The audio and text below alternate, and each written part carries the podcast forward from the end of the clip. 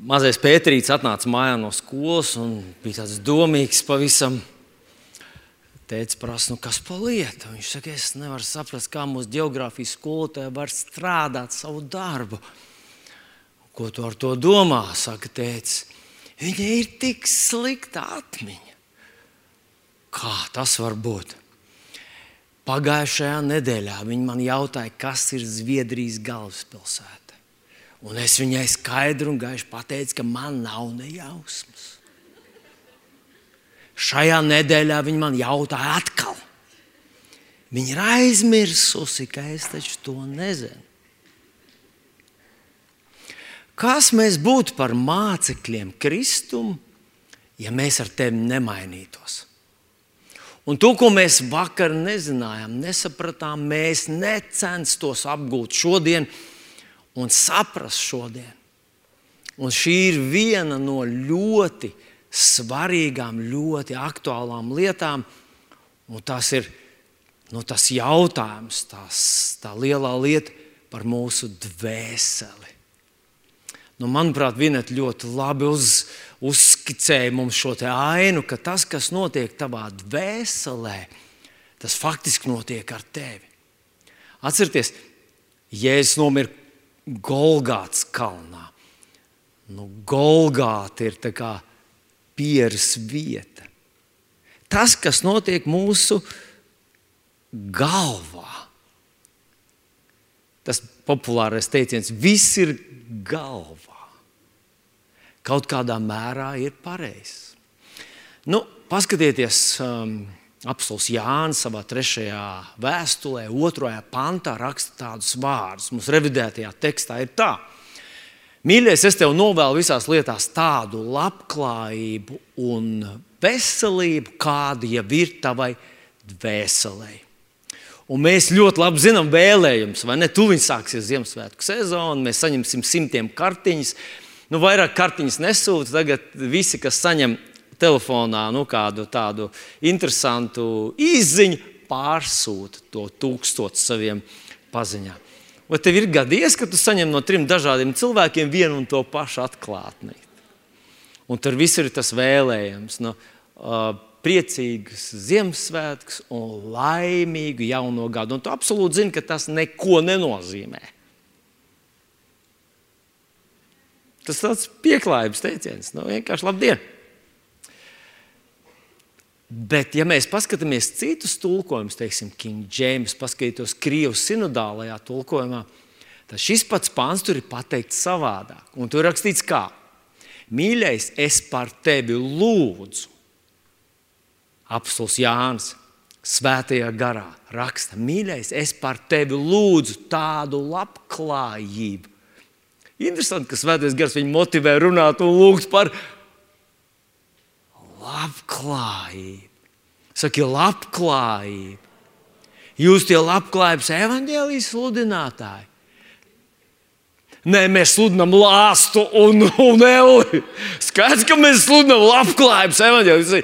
Jēzus evaņģēlis, tā ir prieka vēsts. Bet apelsīns Jānis raksta to pašu. Un viņš saka, un tādu tā tad, labklājību un veselību kāda jau ir tavā dvēselē. Kāda jau ir tavā dvēselē? Dvēsele ir vienlīdzības zīme ar labklājību un veselību. To, kas notiek manā dvēselē, mēs zinām, ka dvēsele, mēs varētu teikt, ka dvēsele sastāv no trim daļām vai trīs tādas nu, lietas, kas raksturo dvēseli. Un kas tas ir? Tās ir zināšanas, Tas ir mūsu intelekts, tā ir mūsu vēlme, un mēs varētu pielikt klāt arī mūsu attieksmes vai emocijas. Tad tas, ko es zinu, tas, es, ko, ko es vēlos, un tas ir ļoti lielā mērā tas, ko es zinu, ietekmē to, ko es vēlos. Es to ļoti spilgti ieraudzīju pie sevis, ka es noklausījos vienu doktoru uzrunu par cukuru kaitīgumu, otru, trešo, ceturto, un manī parādījās liela vēlme izvairīties no cukura. Un kopš es labu laiku neklausos vairs to, atkal tas cukurs atkal kļūst simpātisks. Tā tad tas, kas notiek tavā dvēselē, ir vienlīdzības zīme ar to, kas notiek tavā dzīvē. Vai tā varētu būt? Vai tad mēs, vai tad mēs tikko nerunājām, kaut tu varētu ticēt? Tas visu spēj. Kas ir? Tātad ticība ir vienlīdzības zīme ar, ar to, kas notiek mūsu dzīvē. Vai mūsu neticība ir vienlīdzības zīme ar to, kas notiek manā dzīvē? Bet jūs pamanīsiet, mēs runāsim mazliet vēl uz priekšu, ka tur nav nekāda pretruna. Apsolus Jānis absolūti pareizi raksta, es lūdzu par tevi. Un vairāk es nevaru lūgt, kā vien šis princips, kas notiek tavā dvēselē. Es lūdzu par to, lai tas notiek arī tavā dzīvē. Paskatīsimies vēl dažas raksturvietas, kuras, manuprāt, atver tādu pilnīgi tā tādu skatu logu, lai mēs varētu apskatīt dvēseli, kaut ko mazliet par viņu uzzināt. Nākamā rakstvietiņa, ko gribētu ar jums paskatīties, ir Marka Evanģelijas 8. nodaļa, 36. un 37. pāns. Parasti šos pāns es runāju bērēs, bet tā kā jūs uz bērniem nekad nenākat, tad man nākas to mazliet atgādināt šos pāntus šeit. Nu, tā tad 36. pāns. Jo ko tas cilvēkam palīdz, ka viņš iemanto visu pasauli, bet savu dvēseli zaudē, bet zaudē savu dvēseli? Tātad, ko tas cilvēkam palīdz, ka viņš iemanto visu pasauli? Ko tas palīdzēja iemantot vispār? Nu, par visu pasauli tas ir baigi abstrakti. Neviens no mums nevar iedomāties, kā tas ir iemantot puspasaules, kur nu vēl visu pasauli. Bet mēs skaidri zinām, ka, nu, kad, kad kaut ko tādu, nu, kāds varbūt dzīvo vienistabas dzīvoklī, un viņam liekas, ko tas cilvēkam palīdz, ka viņš iegūst privātu māju. O, palīdz, gan palīdz, ļoti palīdz. Kāds varbūt saka, privātu māju un dārsts, liels dārsts. Ui, kā palīdz. Kāds varbūt saka, privātu māju, liels dārsts un vēl dīķīts blakus. Ui, kā palīdz. Bet tie, kam ir, un es nelikšu pacelt rokas, jo tur būs roku mežs, kam ir privāta māja, dārsts un dīķītis. Un izrādās, ka tai dvēselē ir kaut kas, nu, nu nav tā, ka tagad, tagad viss ir. Vai ne? Vai jūs esat kādreiz bijuši tādā sapņu ceļojumā, jūs aizbraucat kaut kur, esat kalna virsotnē un skatāties un pavarās tādu vienkārši elpu aizraujošs tāds skats. Jūs skatāties, skatāties, skatāties, skatāties. Jūs skatāties un nevarat noskatīties. Jūs tā kā gribat, un jūs izraujat telefonā ar čik, čik, čik, čik, čik. Nu, nu, kaut kā gribās to, ko jūs to elpu aizraujošo skatu redzat. Jūs gribat viņu paņemt, bet nevarat. Un tad tu gribi vēl kaut kur braukt, un, vēl, un redzēt, vēl kaut kur augšā, augstāk uzkāpt, un vēl kaut ko siltāku, un vēl gaišāku, un vēl saldāku, un vēl vairāk. Un tu vēl saproti, ka nepietiek. Un kā jūs domājat, nu tagad Putins gribēja iegūt visu Ukrajinu. Nu, viņš neizdevās viņam biksu, viņam visa milzīga, neaptveramā Krievija jau ir. Viņš varētu jebkur dāču celt, un, un, un dīķi, un privātu māju. Nē, viņam vajadzēja tur. Kā jūs domājat, vai viņam pietiek? Nē. Es jums pačukstēšu, tikai nevienam to nestāstiet. Viens mācītājs vienreiz man saka, nu, mazāks draugs mācītājs, un viņš man tā, ar tādu, ziniet, ar tādu īstu draugu, brāļa tādu mm, prieku. Viņš saka, kas tā tev nekaita? Tu esi tik lielā draudzē, un jums pašiem savs nams. Un jums pašiem ir stāvvieta pie nām. Ar tādu pilnīgi liekas, ar katru nākamo teikumu viņš tagad palika dusmīgāks. Ja? Kā tas var būt? Dievs, kur tu skaties? Kur ir godīgums un taisnīgums? Un viņam likās, ka nu, tā ir mana interpretācija. Viņam likās, ka nu, man gan pietiek, manai dvēselītei pietiek.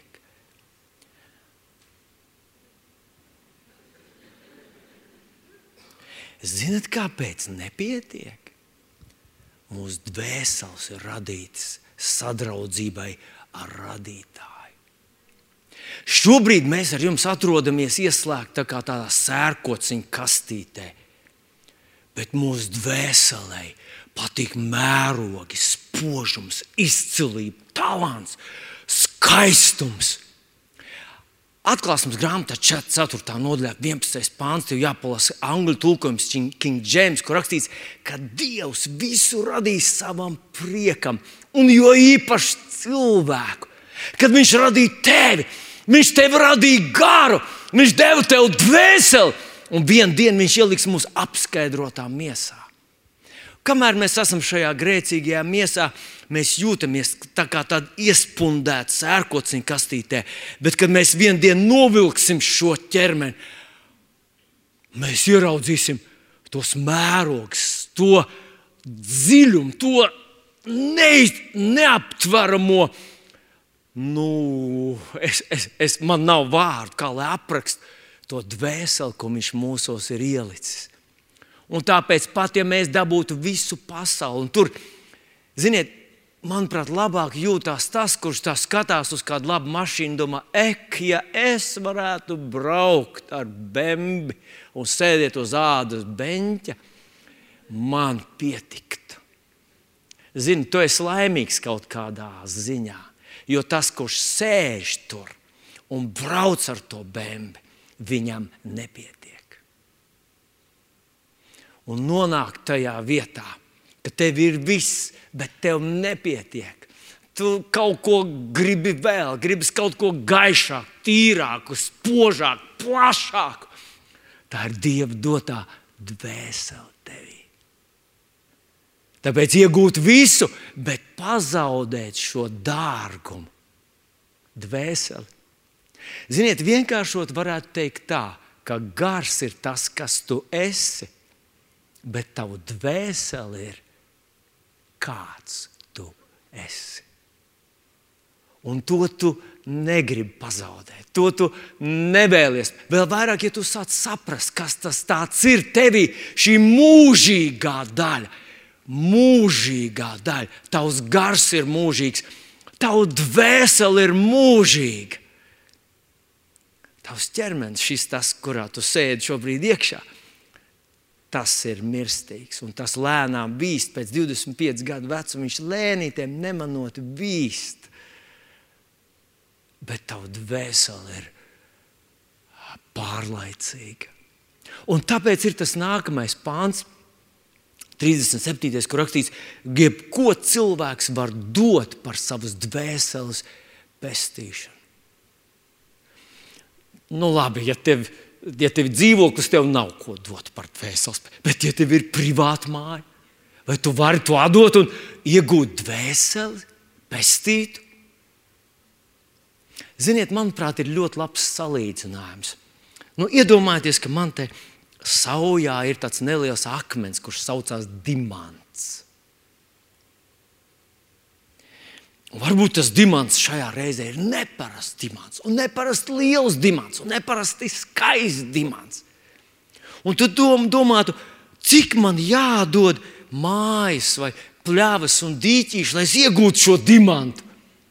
Un izrādās, ka gandrīz nevar aptvert, cik privātmājas, cik dārziņus, cik dīķīši ir jādod, lai iegūtu šo vienu nelielu akmentiņu. Tāda ir dvēsele.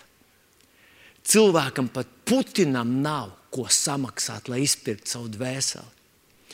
Arābu šeihiem, bagātākajiem, niknākajiem, tiem, kam, kam ir trīs garāžas un piebāzts ar naudu, ka viņi domā, jāceļ ceturtā, jo kur lai to naudu liek, viņiem nav ko samaksāt par dvēseli. Tāpēc tā tēma, kur šorīt viena aizskāra, tava dvēseli, tā ir tāda bagātība Visu pasauli nevar dot par vienu cilvēka dvēseli. Tā ir Dieva dota, dārga lieta. Tāpēc tā ir jāsargā. Un apstults Pāvils vēstulē Eviziešiem 4. nodaļā divus, divus pantus. Viņš runā tieši par šīm lietām. Apstults Pāvils vēstulē Eviziešiem 4, 17, 18. Paklausies, kas tur rakstīts. Tad nu es jums piekodinu. Pāvils it kā ir šodien mūsu dievkalpojumā, kad mēs runājam par tādu absolūti dārgu, īpašu lietu kā mūsu dvēsele. Tas kungs ir mans liecinieks, es jums to esmu brīdinājis. Viņa atgādāja mums par brīdinājumu, sakārto savu uh, dvēseli. Jā, jā, tas lukturs, viņš ir, viņš tā ir daļa no dvēseles. Tas kungs, mans liecinieks, vairs nedzīvo tā, kā pagāni dzīvo. Savu sirdsprātu tukšībā, savas nezināšanas dēļ, sirds apcietinātības dēļ, aptumšojušies savā sapratnē un atsvešinājušies dzīvībai, kas no Dieva. Viņš te saka, ka tā dzīvo visa pasaule. Un tajā pirmajā, varbūt tajā pirmajā acu uzmetienā liekas, pār, tur, ir, tur ir tik daudz visādas lietas kopā. Tā tad uh, sirdsprāts tukšs. Uh, nu, tas ir latviskajā tulkojumā, ielikts tas sirdsprāts. Laikam tulkotāji gribēja kaut kā uzsvērt tādu īpašu tādu reliģisku nozīmi. Visos citos tur vienkārši teikts prāts, ar tukšu prātu. Un kas notiek tālāk? Savas nezināšanas dēļ, sirds apcietinātības dēļ, aptumšojušies savā sapratnē, atsvešinājušies no Dieva. Viņš saka, lai mēs ar tevi, Dieva bērni, lai mēs tā vairs nedzīvojam, kā pasaule dzīvo. Bet es ceru, ka es, nu, es vienkārši gribu būt drošs, ka tu ieraugi, ar ko sākās visas tās četras problēmas. Nezināšana, sirds apcietinātības, mm, kā nu bija. Uh, nezināšana, apcietināta sirds, aptumšot sapratni un atsvešinātību no Dieva. Ar ko tā sākās? ar tukšu dvēseli, ar lietām, kuras mēs saliekam savā prātā, kurām nav mūžības vērtības, kas rīt zaudēs savu jēgu. Nu, iedomājies, ka tu šodien esi nopircis aktuālo, svaigo, labāko, kas Latvijā ir avīze kurā tiešām viss ir uzrakstīts pareizi, un tur labākie žurnālisti ir piestrādājuši, un visas analīzes, un secinājumi, un fakti ir sakārtot precīzi, un tu visu to iezaurē iekšā, un tagad tu to visu atceries no galvas. Tu taču esi pilns ar vērtīgu informāciju. Bet rīt no rīta šī avīze ir veca, un būs jauna avīze un jauna informācija. Un tas vienkārši ilustrē to, ka tev var būt pilna dvēsele ar lietām, kuras beigs savu realitāti, kurām, kuru vērtība beigsies tajā brīdī, kad tu pēdējo reizi izelposi. Un viss. Nu, labi, neskatīsimies uzreiz tik tālu līdz kapa malai. Nu, neviens mēs negribam tur nonākt, bet visi tur būsim un paklausies, mīļais draugs. Paldies Dievam, ka vienā dienā novilksim šo nonāsāto mazo uzvalciņu un apvilksim apskaidroto miesu. Un tad es vēl šo pašu domu mazliet paturpinot. Cilvēki jau šajā māla būdā ir uzrakstījuši simfonijas, kuras mēs klausāmies gadu desmitiem. Mūs tās iedvesmo, mūs tās nu, uzrunā. Mēs gandrīz sajūtam kaut kādas mūžības mūžības pieskārienus, melodijas, dziesmas, dzējas, stāstus, rakstus. Es iedomājos, kā tie cilvēki radīs šo mākslu, tad, kad izkāps ārā no sērkociņa kastītes un iekāps apskaidrotā ķermenī. Kad vēseli varēs patiešām izpausties, kad ties dimanta kvalitātes kļūs redzams debesīs būs tādas mākslas galerijas, kur mēs ar tevi aiziesim. Un vienkārši, vienkārši 150 gadus tu stāvēsi vienas gleznas priekšā, varbūt, un tu būsi autā.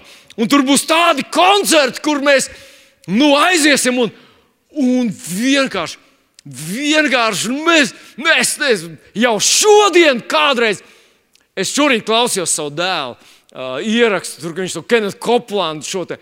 Uh, un tur ir pāris dziesmas, kas, ha, Dievs, es klausu, kā viņš to izdzied. Bet kā tas būs tur? Kā tas būs? Kādu inženieri tur būs? Un,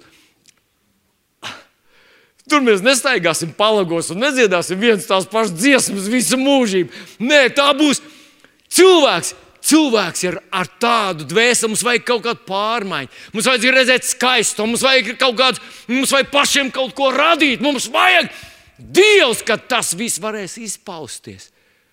Wow! Es gribu jau tagad uz turieni. Man jāpabeidz savs darbiņš šeit. Kad es būšu prom, neskumstiet. Iebikstiet viens otram, saka, vilnis sen tur gribēja nonākt. Jā, tur ir labāk. Bet nu, kamēr esam šeit, mums tas ir jādara. Bet ievēro, ja manā dvēselē, tas ir manā intelektā, manā prātā, ir tikai nīcīgas lietas, ko tas rāda manī. Tas manī rāda nezināšanu. Es vairs nezinu. Nezināšana, protams, atņem mieru. Tu vairs nezini, kas ar tevi notiks. Tu nezini, vai tu rītā dzīvos, tu nezini, vai tu nomaksās, tu nezini, vai tu tiks galā, tu nezini, kas notiks ar taviem bērniem. Tu nezini, kas, kas tie par cilvēkiem tev blakus sēž. Un tas viss nesākās ar laulības pārkāpšanu, slepkavību, laupīšanu, zakšanu. Tas sākās ar to, ka tu esi nekontrolē, ko tu liec iekšā savā dvēselē, kādas domas tu domā. Tās domas ir, ir secinājumi no tā, ko tu liec sevi iekšā. Tā tad nezināšana, sirdsniņa paliek cieta. Cilvēks pats pat neapzinās, ka viņa sirds paliek cieta. Kas notiek pēc tam? Tad sirds ir cieta tad tu vairs nesaproti. Tu vairs nesaproti. Tu lasi Bībelīti, un tu vairs nesaproti. Tu it kā pacēl rokas, lai dziedātu Dievam slavu, bet tu vairs nesaproti par ko. Kādā sakarā es dzīvoju šeit, augstā ziemā. Man ir augsts manā istabā, man pa krāna knapi silts ūdens. Kādā sakarā man jāslavē un jāpateicas tam, kurš dzīvo tur? Tu vairs nesaproti. Un kāds vēl nākamais solis ir? Tu atsvešinies no dzīvības. Un tad tu kādreiz nonāc tādā naivu dievu bērnu vidū. Šie tur viss priecājas un slavē, halleluja, halleluja. Un tu domā, pats, kas viņi, ko viņi pīpē? Kas ar viņiem notiek? Vai mēs esam nohipnotizēti, vai vilnis mūs hipnotizē pa klusu? Es vienīgais, kuram skaidrs prāts. Tu vairs, nu, tu atsvešinies. Draudzē, tu vairs nejūties labi.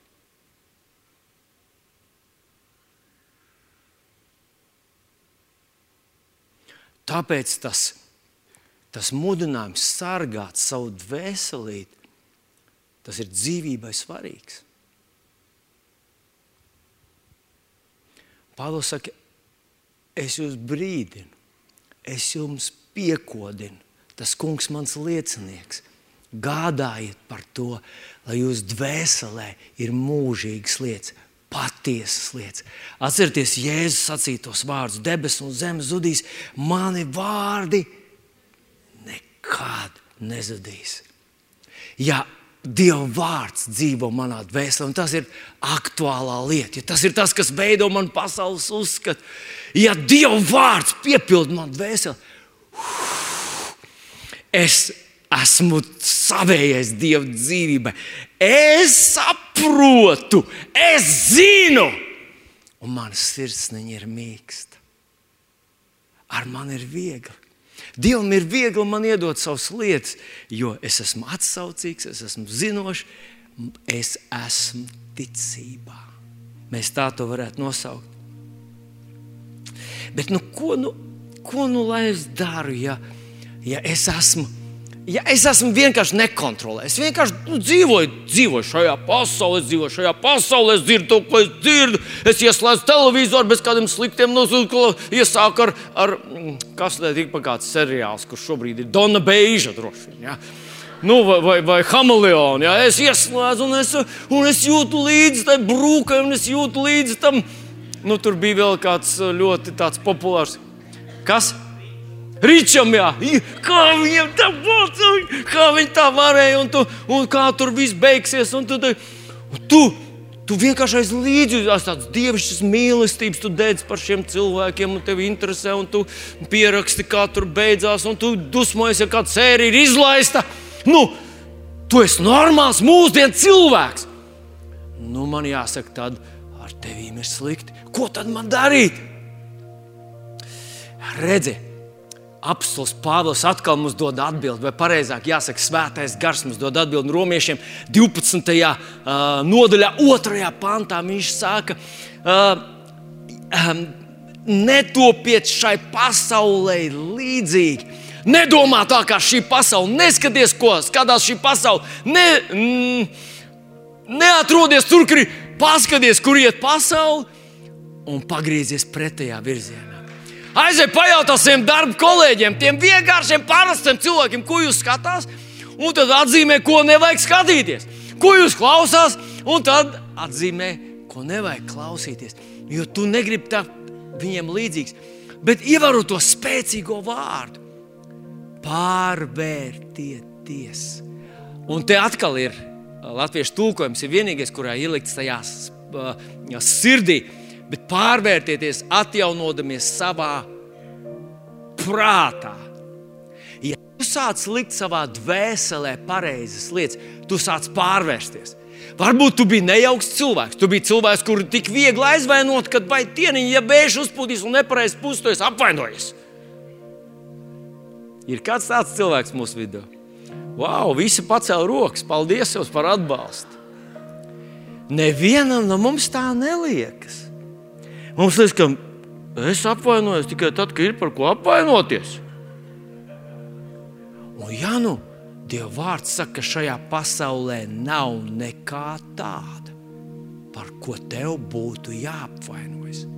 Jā, pat tavs vīrs nevar neko pateikt tādu, lai tu apvainotos. Un tā nu gan nav patiesība. Ne, sievas, ko viņš var, viņš tu nepazīst manu vīru. Paiet, pasakot līgai to. Viņa teiks, tu nepazīsti manējo. Kāds gribēja, paldies Dievam, paldies Dievam, līga arī dabū. Dabū, dabū gan. Bet padomā, mīļais draugs, padomā, mīļais draugs, tu pārvērties. Nevis saka, Dievs, pārvērt man, pārvērt man, pār, kāpēc tam aiz jau 20 gadus, un pārvērt mani!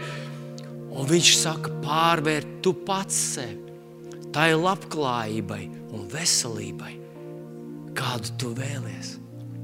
Liet savā dvēselē iekšā Dieva apsolījums, Dieva vārdu. Un es jau pateikšu, ar ko sākās pozitīvas pārmaiņas. Viņi sākās 1. Jāņa vēstulē, 1. Jāņa vēstulē, 1. nodaļā, 9. pantā. Mēs mēģināsim no, no, paskriet, paskriet, mēs uh, nobeigsim strauji. Jo kopš uzkāpa augšā uh, Edvards, jā, tas nozīmē vilni. Tavs laiks beidzies, tad man, jā, man, man, mans ir. Nu, jums jāpacieš mūsu abus. Te.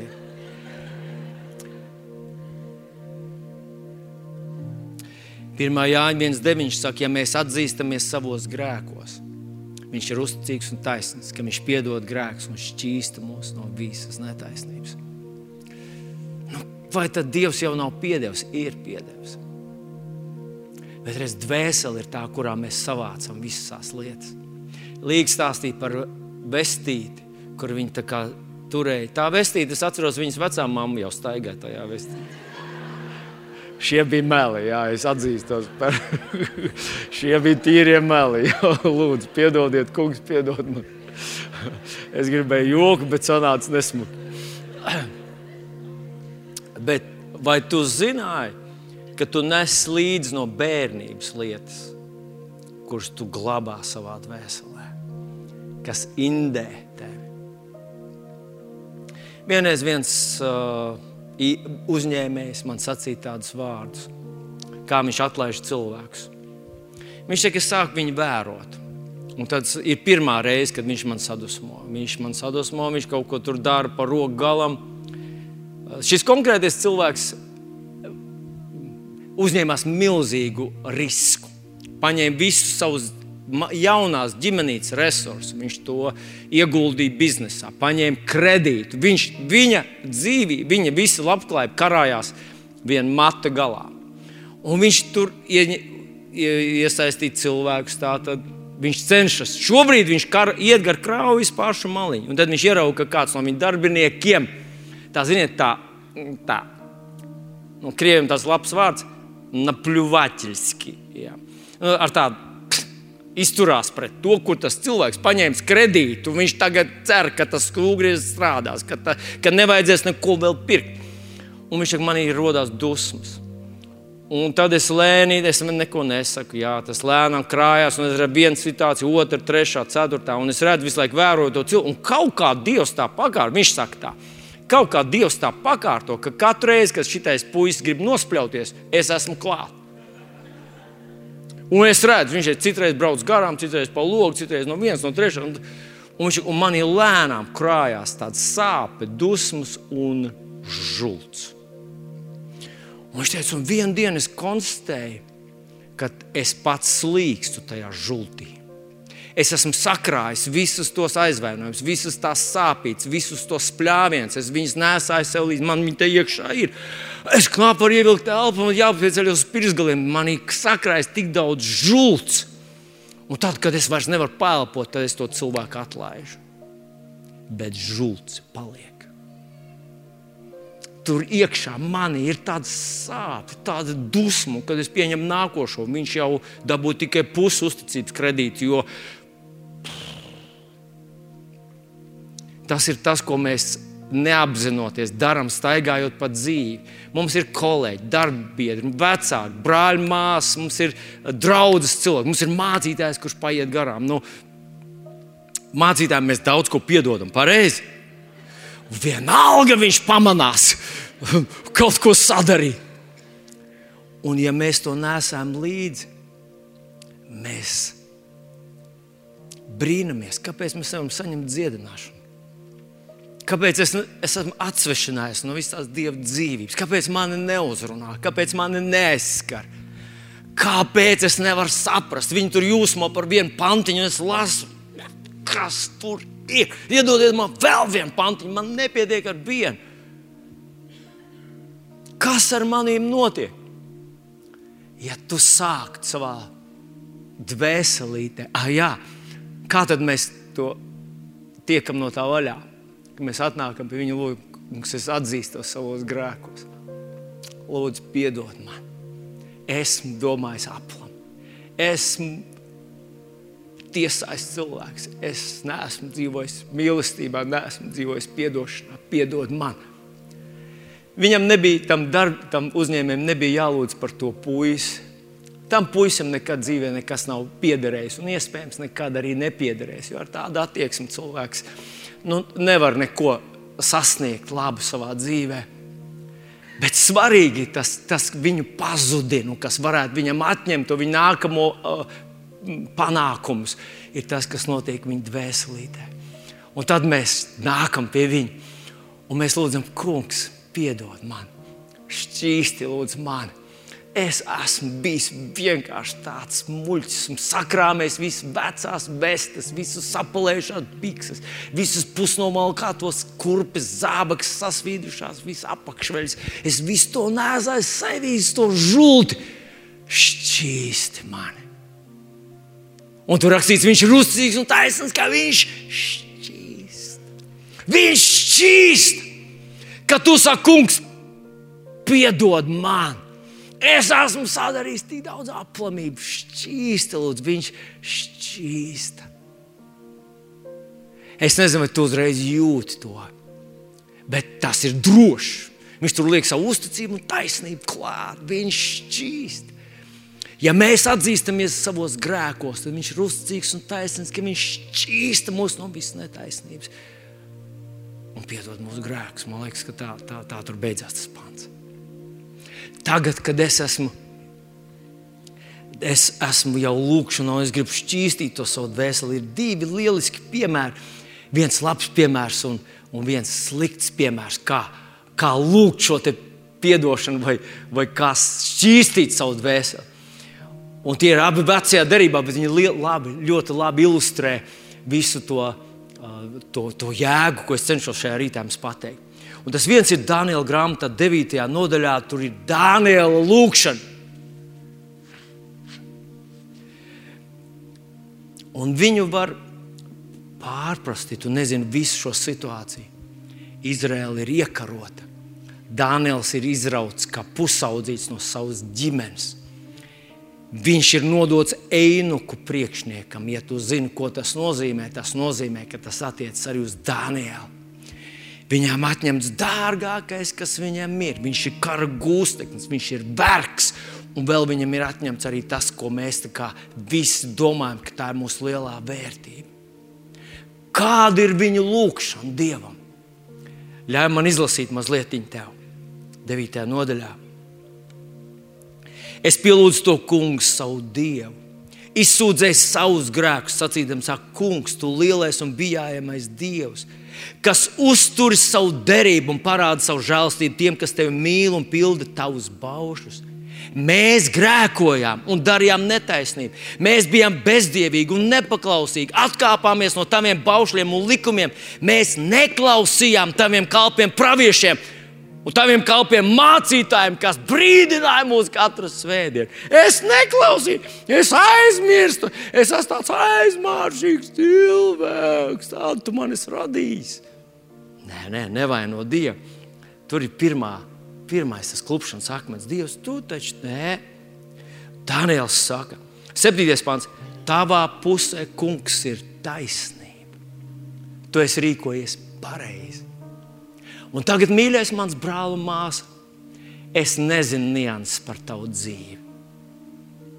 Bet es zinu, ka tas, kas ir slikti tavā dzīvē, tas, kur ir trūkumi, Tas, kas ir palaists garām, sabojāts, tas, kas ir izšķērdēts, pazaudēts, nepiepildīts, nav dieva vaina.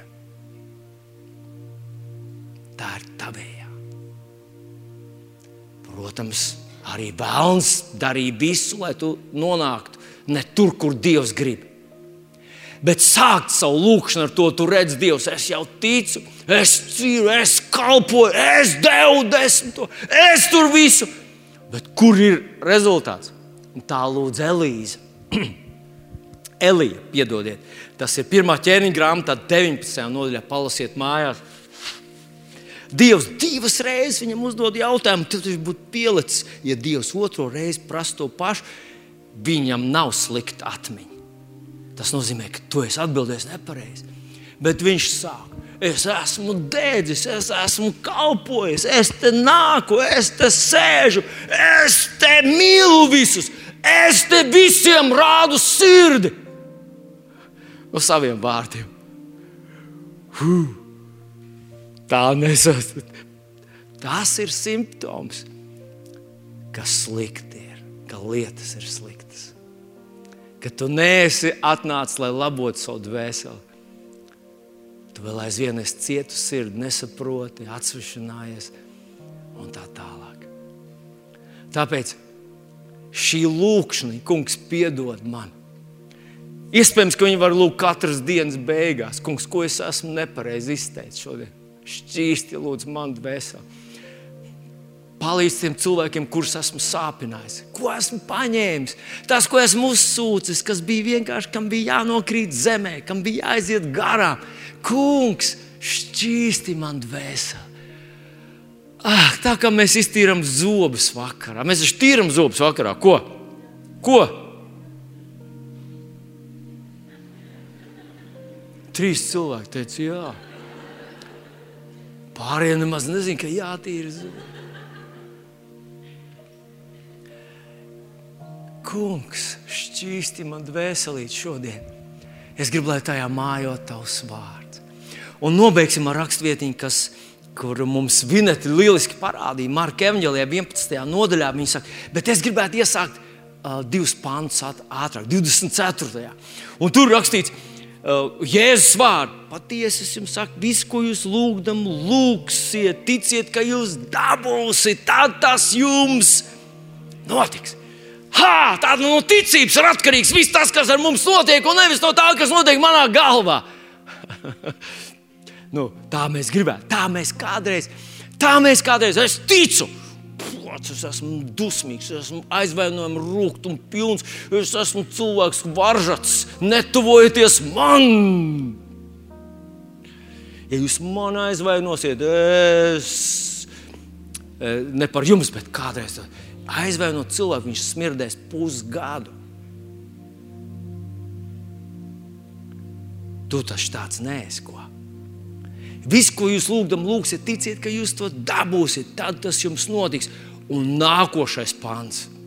Un kad jūs esat šajā ticības lūkšanā, tad piedodiet, ja jums ir kas pret kādu.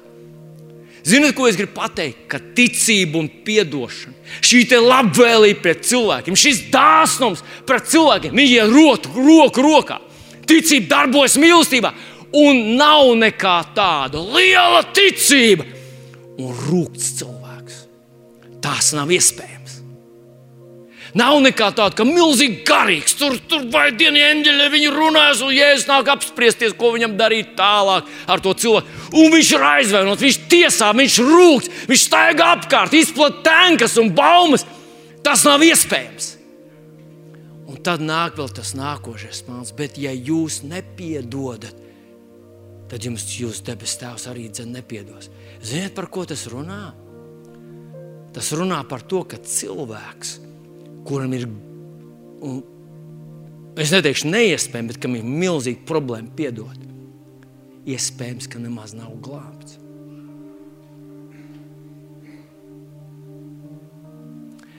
Cilvēks, kuram ir grūti piedot, kurš atcerās katru pārdarījumu, cilvēks, kurš ir tik ļoti pilnīgs savā tajā savā perfektumā, savā garīgumā, kur viņu apšaubīt nedrīkst neviens. Iespējams, ka nemaz nav klāpts.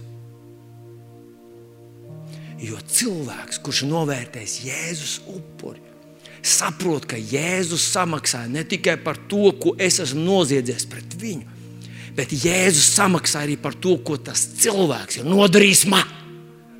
Jēzus to samaksāja. Jēzus nostājās viņa vietā, nomira, viņa, viņa izciet viņa lāstu, sodu. Dievs, es nu, nelietošu tādu nepareizu vārdu, bet Dievs um, satriec Jēzu, lai tu nedusmojies uz to, kas tev nodara pāri. Lai tu būtu spējīgs piedot. Šodien es gribu teikt, Dievs! Ticībā ir ļoti svarīga tava dvēseles daļa. Dvēsele un ticība tas ir, tas ir, tas, tā ir sirds ticība, bet dvēsele tur ir klāta. Jo, ja tur nav dvēseles klāta, tad tu zini, ka miesa, viņa, kā Vineta mums lieliski atspo, uh, ka, ka, ka miesa ir kā dvēseles kalps vai dvēseles spogulis. Tas, kas notiek tavā dvēselē, to dara tavs ķermenis. Un tāpēc Mans mīļais brāl un māsa, šis gads beidzās. Ir svarīgi paskatīties atpakaļ. Atcerieties kaut kādas situācijas, varbūt satikties ar cilvēkiem, kuri, par kur, starp kuriem tev tilts ir nodedzis. Varbūt kaut kas bija, kaut kas nodarīts, varbūt reāli sūdzība ir izdarīta pret tevi. Zini, kā tu vari izkāpt ārā no tā? Piedod Nemaz nav obligāti zvanīt un teikt, es tev piedodu. Jo iespējams no turienes atskanēs vēl vesels nu, lērums, visādas lietas. Vienkārši savā sirdī piedod. Pasaki, Dievs, es piedodu tam cilvēkam, jo tu jau esi salīdzinājis viņu, tu jau esi izcietis viņa vietā, tu esi uzņēmies viņa noziegumus. Paldies tev! Paldies tev par glābšanu! Kunga Jēzus vārdā!